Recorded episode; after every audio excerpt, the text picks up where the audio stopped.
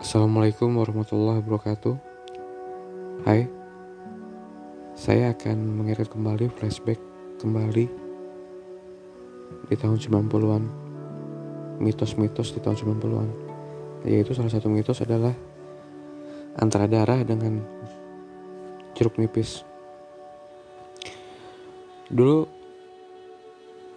pada tahun 90-an berkembang isu jika ada orang yang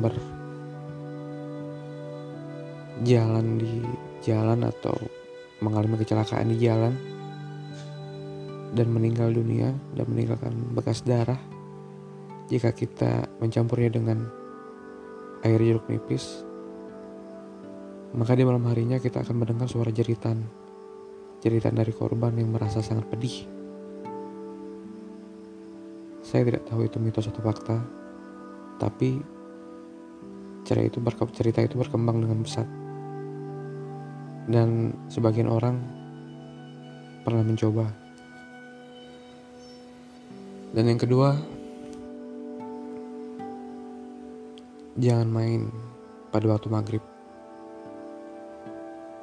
Dan ingat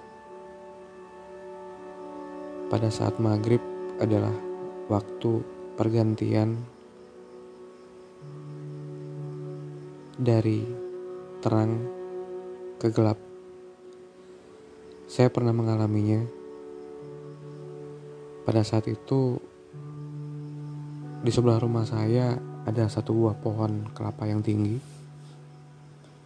Pohon kelapa itu jika tertiup angin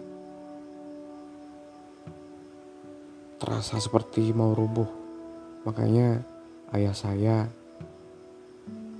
berniat untuk menebang pohon tersebut bersama dengan warga di setempat. Setelah pohon tersebut terubuh, saya bermain dengan kakak saya di pohon yang sudah rubuh itu hingga senja hari. Sementara ibu saya sudah menyuruh saya dan kakak saya untuk menyudahi permainan, tapi tidak kami dengarkan.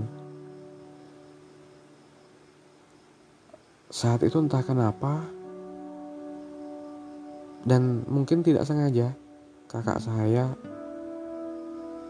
melempar kayu bukan ke arah saya, tapi ke arah lain tiba-tiba, tapi tiba-tiba kayu tersebut langsung mengenai saya, mengenai ke kepala saya.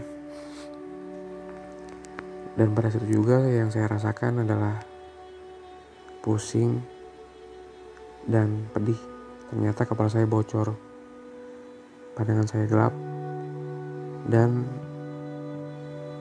saya mencicip rasa darah di mulut saya.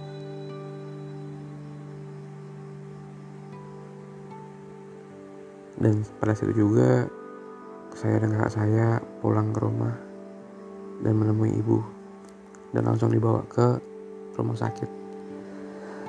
Dan saat itu juga kepala saya dijahit, diobati.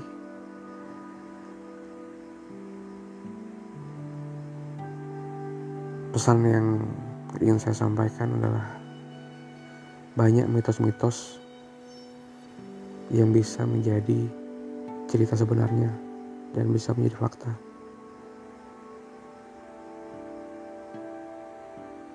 Terima kasih.